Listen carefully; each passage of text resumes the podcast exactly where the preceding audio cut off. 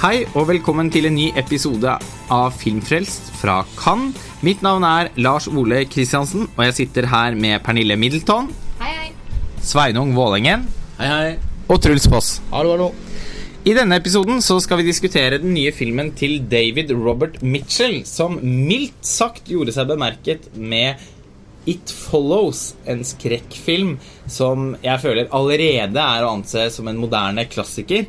Som hadde premiere i Kritikeruken i Cannes i 2015. Forut for det så var han også i Kritikeruken med debutfilmen sin. Uh, uh, The Myth of the American Sleepover, som jeg satt veldig, veldig stor pris på. Uh, og som jeg faktisk hadde sett to ganger før jeg ble oppmerksom på at han hadde en ny film i Kritikeruken i 2015. Hvorpå jeg møtte It Follows med store forventninger, og likevel endte med å bli helt slått i bakken av eh, den filmen. Og det vet jeg gjelder alle rundt bordet her, så vi er jo en gruppe med David Robert Mitchell-fans rett og slett som har vært innmari spent på hva denne amerikanske liksom, indie-regissøren rett og slett har kokt opp denne gangen. Eh, når han nå har eh, blitt løftet opp, eller løftet inn, i hovedkonkurransen med sin nye film 'Under the Silver Lake' med Andrew Garfield i hovedrollen. Dette er en film som eh, det er litt delte meninger om rundt bordet, eh, og som er innmari vanskelig å på en måte beskrive, føler jeg. Er det Pernille? Kan du Så derfor så sender du den til meg. Ja, jeg sender den over til deg. Eh, ja, hvordan skal man oppsummere det? Den er jo Det er jo, skjer så mye, den er så lang. Men vi blir da kjent med Andrew Garfield. Uh, husker jeg ikke hva han Sam. heter.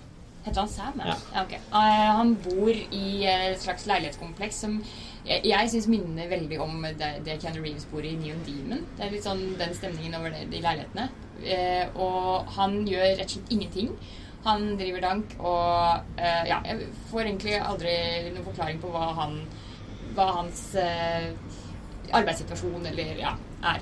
Eh, og han sliter med å betale husleie og får konstant eh, advarsler om at han skal bli kasta ut. Eh, men det gjør han altså ingenting med.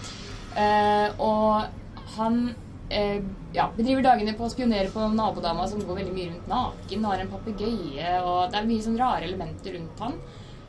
Og så møter han en kveld Riley Keough, da, som dukker opp i denne filmen også, som, plutselig bor rett under han.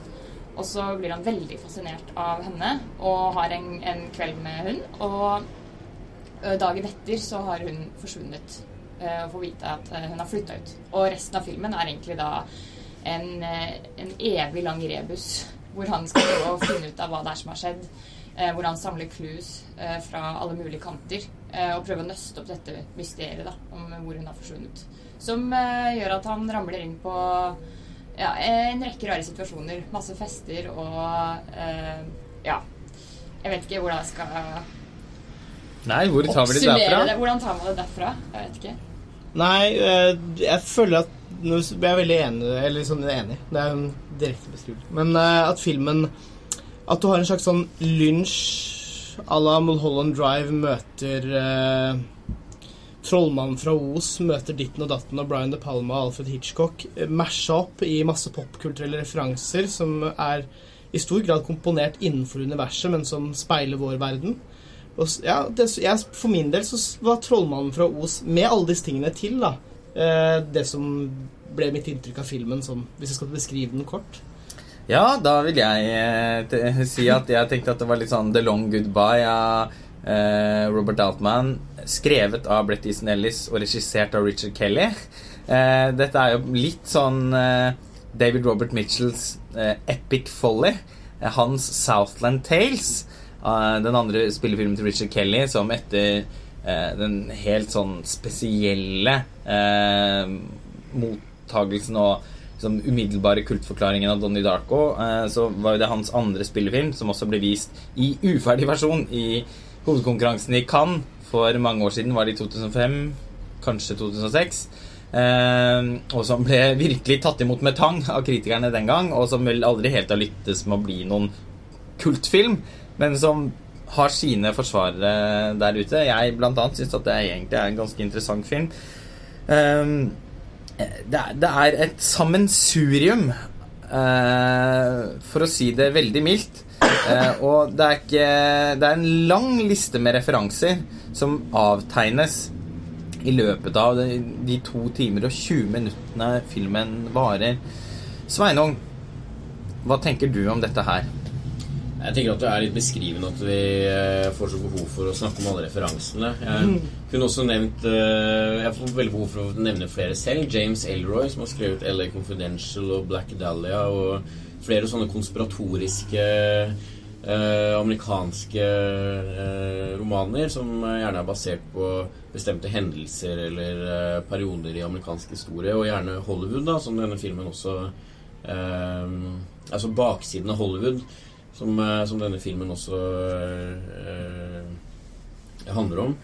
Og det, det er også en film som Når jeg så traileren i forkant, så tenkte jeg eh, at den minna ganske mye om Inherent Wise, med at det var en litt sånn tåkete, surrealistisk ferd eh, og jakt på et eller annet. eh, en kvinne som har forsvunnet, men det er masse eh, digresjoner og andre litt sånn okkulte og eh, ja, konspiratoriske ting som dukker opp eh, langs ferden. Eh, og jeg var egentlig ganske positivt innstilt til filmen. Jeg håpa det skulle bli en sånn type film, så jeg for jeg er veldig glad i sånne uh, filmer som på en eller annen måte minner om en slags odyssé, hvor det er en hovedkarakter som uh, litt på lykke og fromme ender opp med å forville seg inn i et ukjent terreng. Gjerne i byer hvor byene da på dag som nattestid ender opp med å på en måte bli litt forvrengt, og at det er nye sider ved eh, stedene som avspeiler seg, og mennesker som virker som om de eh, nærmest tilhører et annet univers, men som likevel er i, i vår tid og, og, og på et kjent sted, at de dukker opp. Og, ja, After Hours av Scorsese, Icefag Shut av eh, Kubrick og, og som nevnt Inherent Wise, som også har vokst veldig eh, på meg etter, etter at jeg har sett den flere ganger. Og det er en sånn type film. Eh, og for de som lurer på om, eh, om, det, om den minner sånn estetisk sett om It Follows, eh, så gjør den jo på mange måter det. Den, det er jo en veldig eh, Den ser veldig flott ut, den nye filmen til David Robert Mitchell. Den har et eh, veldig godt soundtrack, som også er veldig referansetungt. Mye Bernard Herman og Pino eh, Donaggio. Donaggio. Eh, og det er, det er mye som er imponerende, og det er veldig mye å gledes over. Tror jeg også Eller kanskje spesielt da, for de som likte It Follows. Med, hvis man setter pris på den der litt sånn fingerspissfølelsen rundt den type estetikk som, eh, som Mitchell holdt på med der.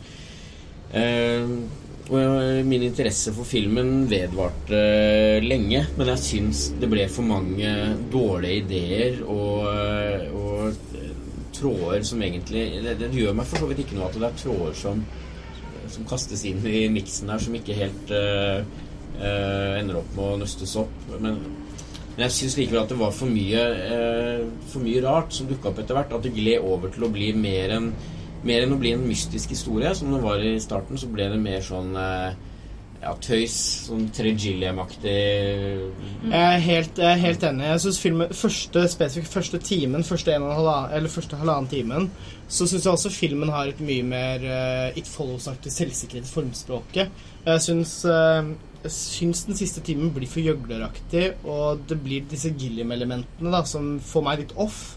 For filmen har så mye potensial, så det er synd at den skal da strekkes ut i et farvann hvor den ender opp med å rote det litt til for seg selv. Jeg er også veldig enig i det, og syns at det lovte veldig godt eh, den første timen. Jeg mista det kanskje litt etter den første festen eh, allerede. Men eh, eh, jeg er kanskje også litt uenig i at de som spe sitter spesifikt pris på It Follows, som det den er, altså en av de friskeste, beste horrorfilmene i ny, ny tid, eh, jeg tror de kan bli litt skuffa når de vet at og det er en ny mystisk film fra David Robert Mitchell, og jeg elsker It Follows. Men selv om den har likheter, og den ser på, på en måte like flott ut, så er den ikke på langt nær like eh, kurios og eh, Det er både en større og mindre film, på en måte. Ja, og jeg, jeg syns at han eh, David En epic folly. Eh, Ja, men David Robert Mitchell passer mye bedre til den litt mer lavere budsjettsligaen og de mindre filmene, da. For de to foregående er jo så utrolig gode. Eh, men nå er det sånn han begynner å leke med Hollywood og komme seg mer inn på altså Du så jo det selv da han gikk inn på gallaen, at nå, du følte at dette var peak for han. Han ko- storkoste seg, endelig kommet til Cannes, han begynner å bli et eh, større navn. Cannes har han jo vært i to ganger før, da. Men, ja, men sånn, hovedkonkurransen sånn, på den, den der eh, opplevelsen. Uh, og jeg, jeg vet ikke helt om, om jeg liker den veien han går, hvis han skal begynne å, å gjøre så enorme ting, da. Og dra det ut på den måten. Jeg føler meg veldig trygg på at uh, dette er filmen som sender han rett tilbake igjen. Så sånn sett så, så vil den sikkert ha en positiv funksjon Ja. for de som tenker at uh, dette her var veldig illevarslende. Uh, den, jeg synes også det er ganske Den bærer preg av på en interessant måte, syns jeg, da. En, eh, en filmskaper som kommer fra et annet sjikt, og som plutselig løftes opp, og som får muligheten litt til å dra til Hollywood. Uh, hans reise som regissør speiles på en måte av filmen i seg selv. Og i motsetning til dere så er jeg egentlig langt mer positiv. Eh, dere så den før meg og, og advarte eh, om at det var viktig å justere ned forventningene. Det var jo i tråd med It Follows også. Skal det sies at Der er jo alle sammen helt øverst. Ja. Ja, ja. Så- Det var vel nesten ingen som ikke hadde det som det årets beste film. Så eh, Og allerede fra trailerne så syns jeg det var ganske åpenbart at dette var noe helt annet. Eh, men jeg, den vekket jo noen assosiasjoner som rimer veldig overens med de du trakk fram, Sveinung, eh, bare fra traileren av. Og den gjorde meg veldig usikker. Jeg tenkte at enten så blir dette her kjempeinteressant og gøy, eller så blir det bare platt. Eh, men jeg endte opp med å synes det var kjempespennende, egentlig. Og det til å være en film nesten helt uten ekte suspens, og heller ikke med så altfor mange egentlig morsomme øyeblikk. Den er litt sånn sedat. Altså, den er i en slags sånn merkelig form for rus eh, hele veien.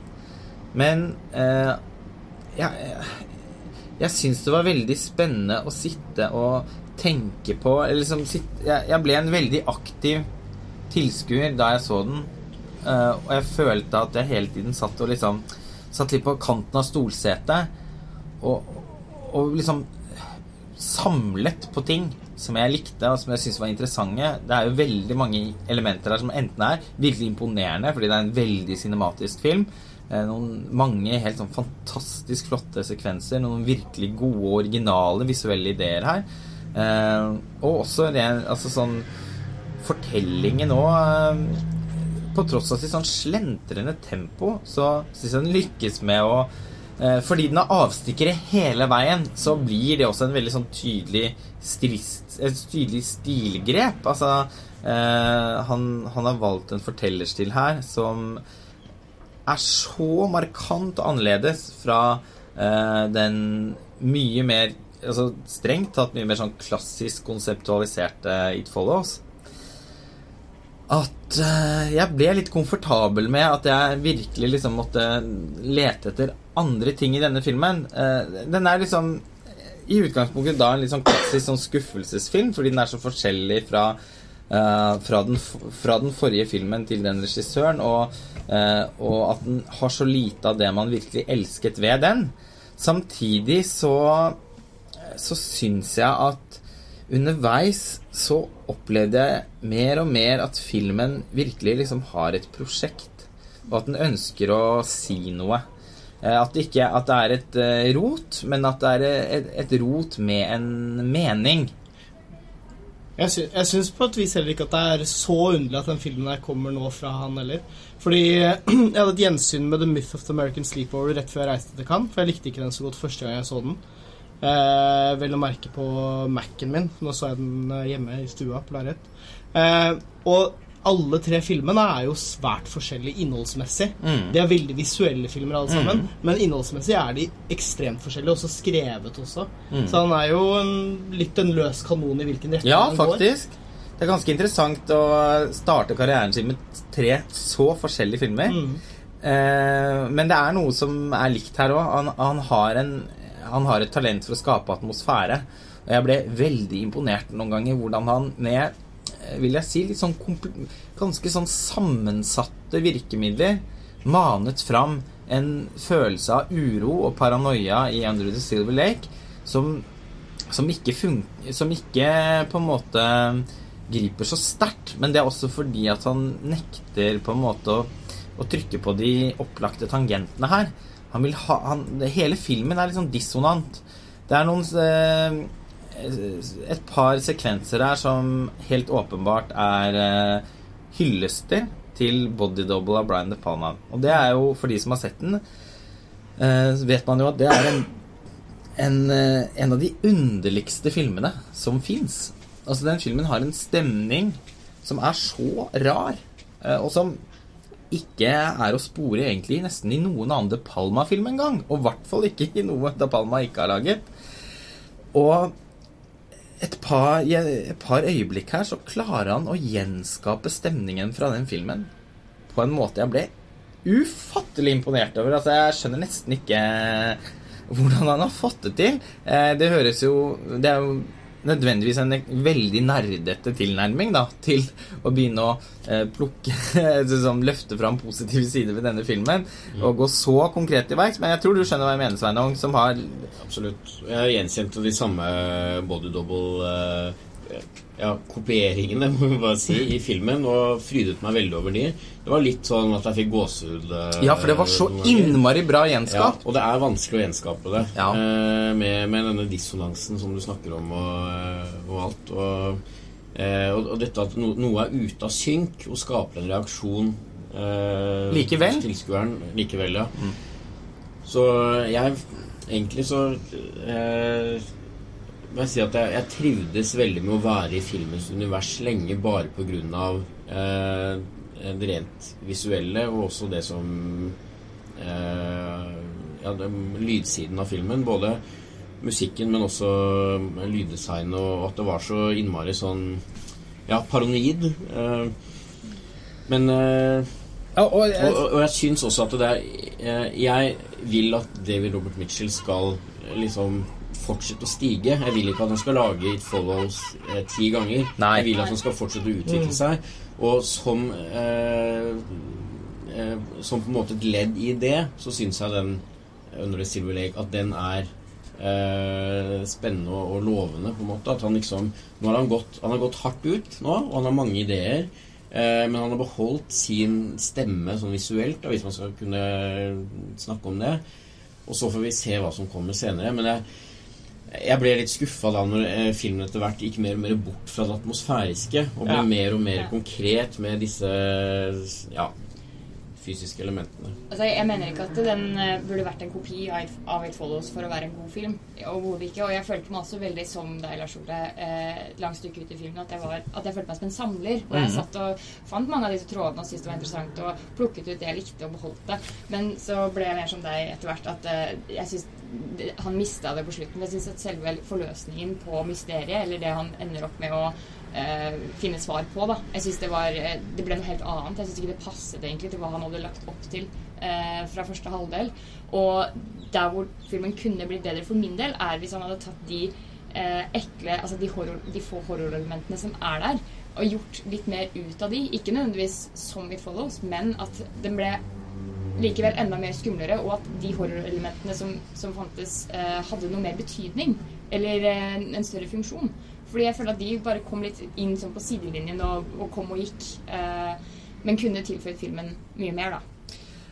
Jeg sitter igjen med at jeg tenker at og, og, følte det veldig underveis når dette slags umulige puslespillet Når man innser at brikkene da virkelig ikke passer sammen så følte jeg virkelig at filmen forsøker å si noe om Altså en sånn poststrukturalistisk, postmoderne tankegang. Eh, hvor man eh, har eh, Andrew Garfield sin karakter i filmen. Han er jo en Altså, han jobber ikke han, han, gjør liksom ingenting. Men han I sin egen leilighet så sitter han likevel og på en måte skaper seg sin egen slags dannelse eller ekspertise eh, gjennom popkultur. Vi ser at det er utallige popkulturelle referanser og hyllester i leiligheten hans. Fra gamle filmplakater til leketøy, videokassetter osv. Nintendo, Kurt Cobain, ja. Og så videre og så videre. Eh, og på en måte liksom veien mot, Apropos Kurt Cobain, da, veien mot hans nirvana er på en måte et sånt lappeteppe av hans ulike besettelser.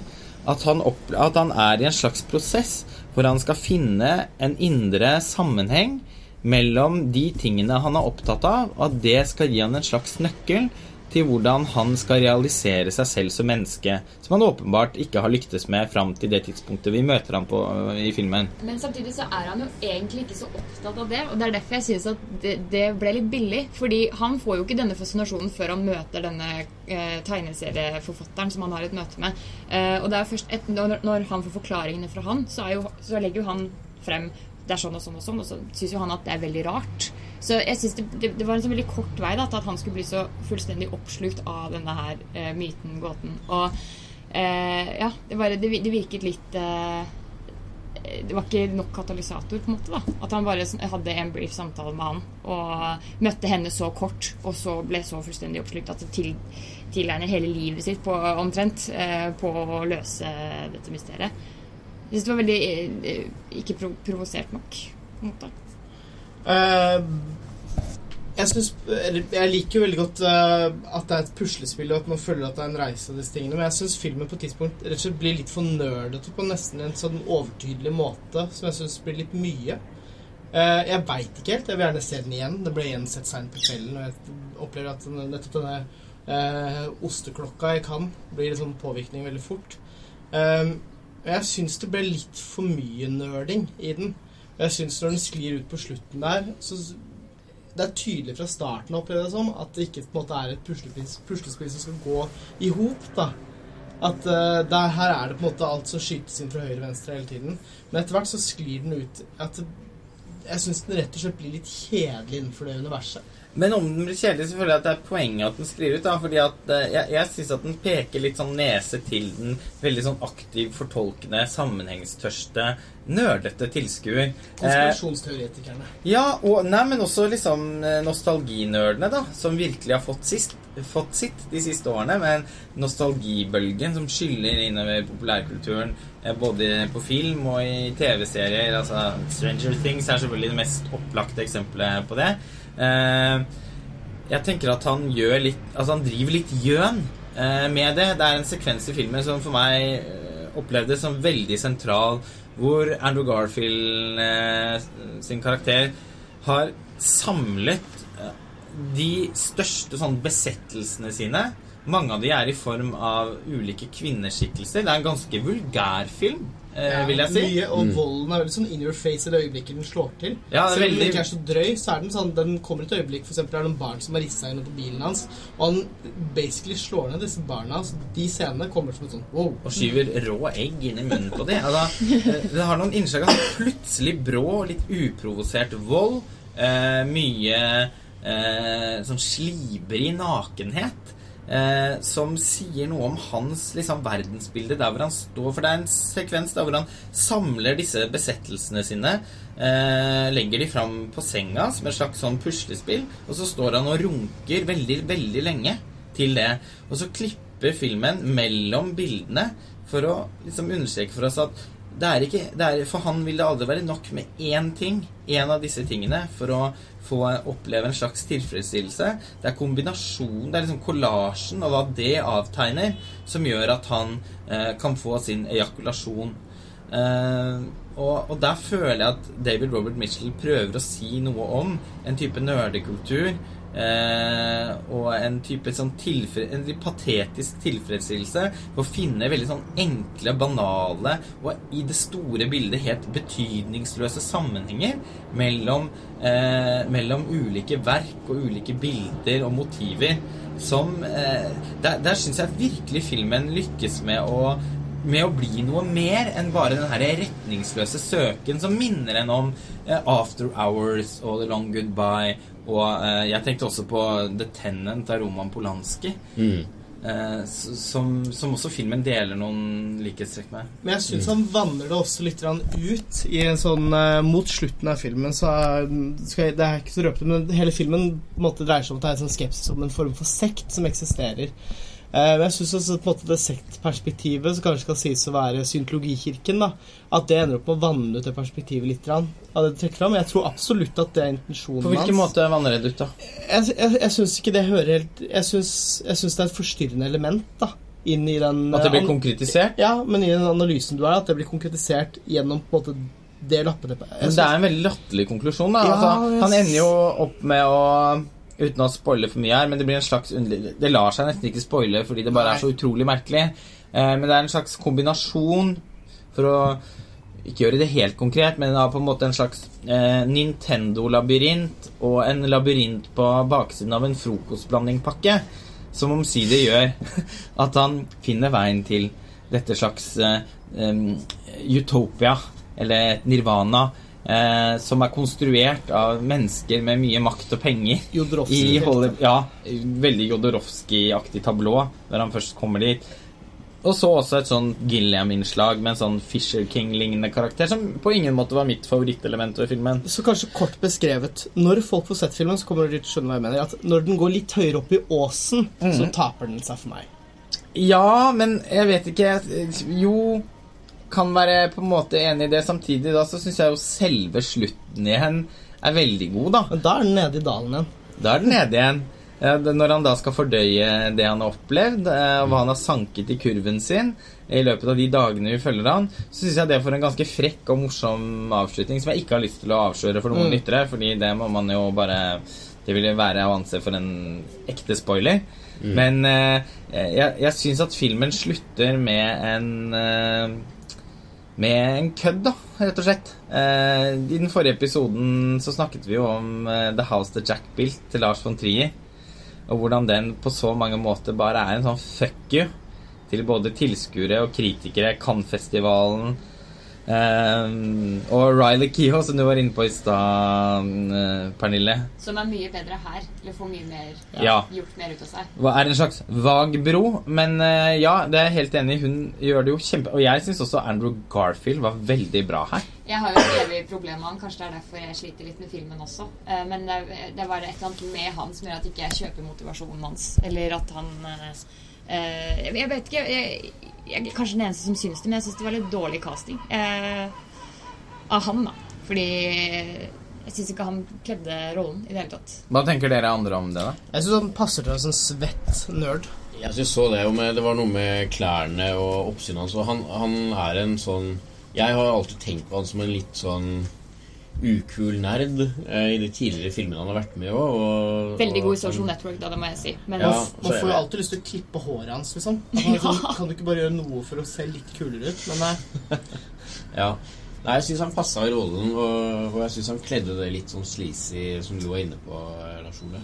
Så øh, Ja, nei, castingen generelt syns jeg var ganske god. Altså, Det er det, mange biroller her som er veldig gode. Det er det, er men, men, jeg, men jeg syns nok det var, Riley Q får ikke veldig mye Hun blir jo mer en slags sånn mytologisk figur uh, i den filmen her. Hun er jo ikke veldig mye med. Eh, Men veldig god i, det, Ja. i, det, de viktige ti minuttene hun er med. da Ja. Mm. Men i likhet med, med liksom plott i filmen Så Vi har jo egentlig ikke snakka så veldig mye om handlingen og hva som skjer og sånn, men det er jo så vanskelig å, å, å trekke fram enkelte ting når det, når, det, når det er så mange avstikkere. Når det gjelder filmen er bygd opp av avstikkere, nærmest. Og det gjelder jo litt for eh, rollefigurene også. Um, og eh, det, er, det var flere av de birollefigurene som jeg kanskje skulle ønske at fikk mer spilletid på bekostning av Blant annet Jimmy Andre. Simpson syns jeg Jeg Ja. ble glad for at han var der. Han eh, sleskete kompisen som han møtte på fest et par ganger. Ja, han er veldig Han er bra. veldig kul. Ja. Eh, Generelt så syns jeg det er et veldig herlig birollegalleri her. da Jeg synes at det er mange som virkelig eh, evner å gjøre inntrykk bare med få minutter på skjermen. Det blir jeg også litt sånn imponert over. Så er det liksom satt sammen av liksom semikjente, eller sånn folk som er kjente, men ikke kjempekjente, som er satt sammen i dette rollegalleriet.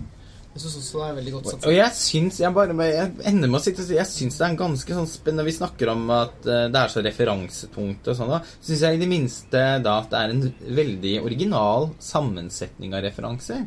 Altså en film som oppleves som like mye en Robert Altman-film som en Brian De Palma-film eller en Brett Easton Ellis-roman. Eh, det er en eller annen cocktail her, og jeg, tenk, jeg tenkte også på litt sånn Felini Satyricon, ja. Som en sånn eh, lø, ganske sånn løst sammensatte tablåer eh, som, som er opptatt av det vulgære og, og, et, eh, og et meningstap i en, i en bestemt periode.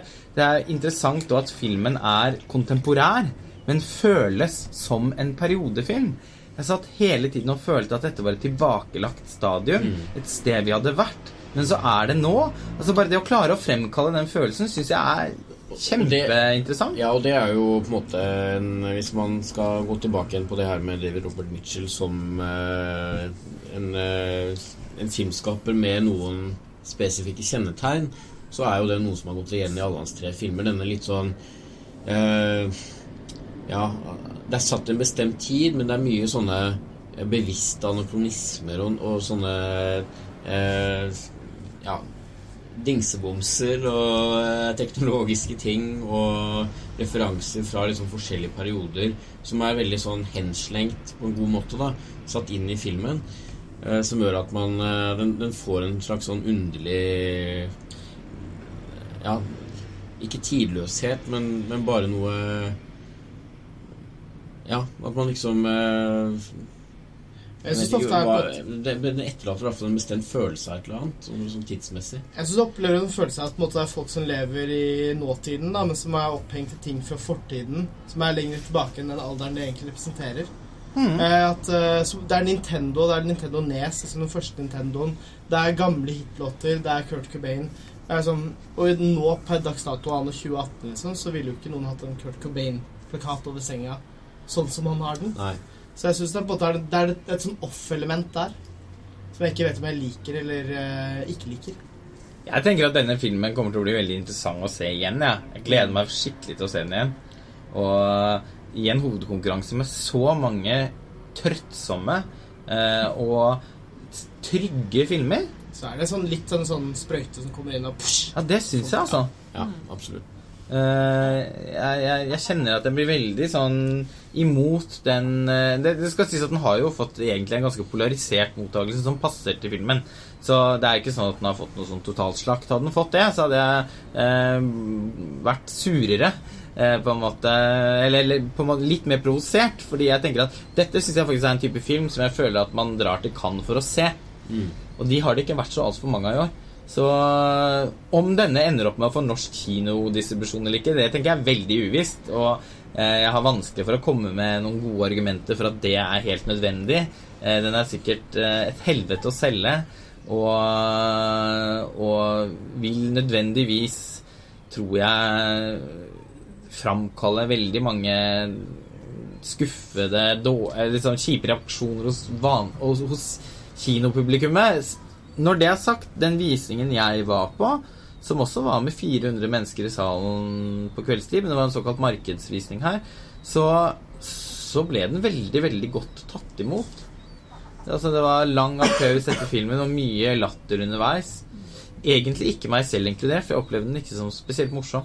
Men eh, jeg, jeg følte egentlig at mottakelsen var ganske varm. Så kanskje var det også litt fint for meg at jeg hadde litt sånn jekkede forventninger. Ikke på gallaen. Da var det veldig kort applaus. Eh, ikke noe latter, nesten. Det var veldig lite. Ja. Ja. Så da var det Sammenligna med kvelden Ja. før var det veldig Sammenlignet med Trier, så var det noe veldig annet. Ja, ja. Nei, men altså Jeg sitter ikke og tenker her at dette blir noe sånn noen stor favoritt for veldig mange.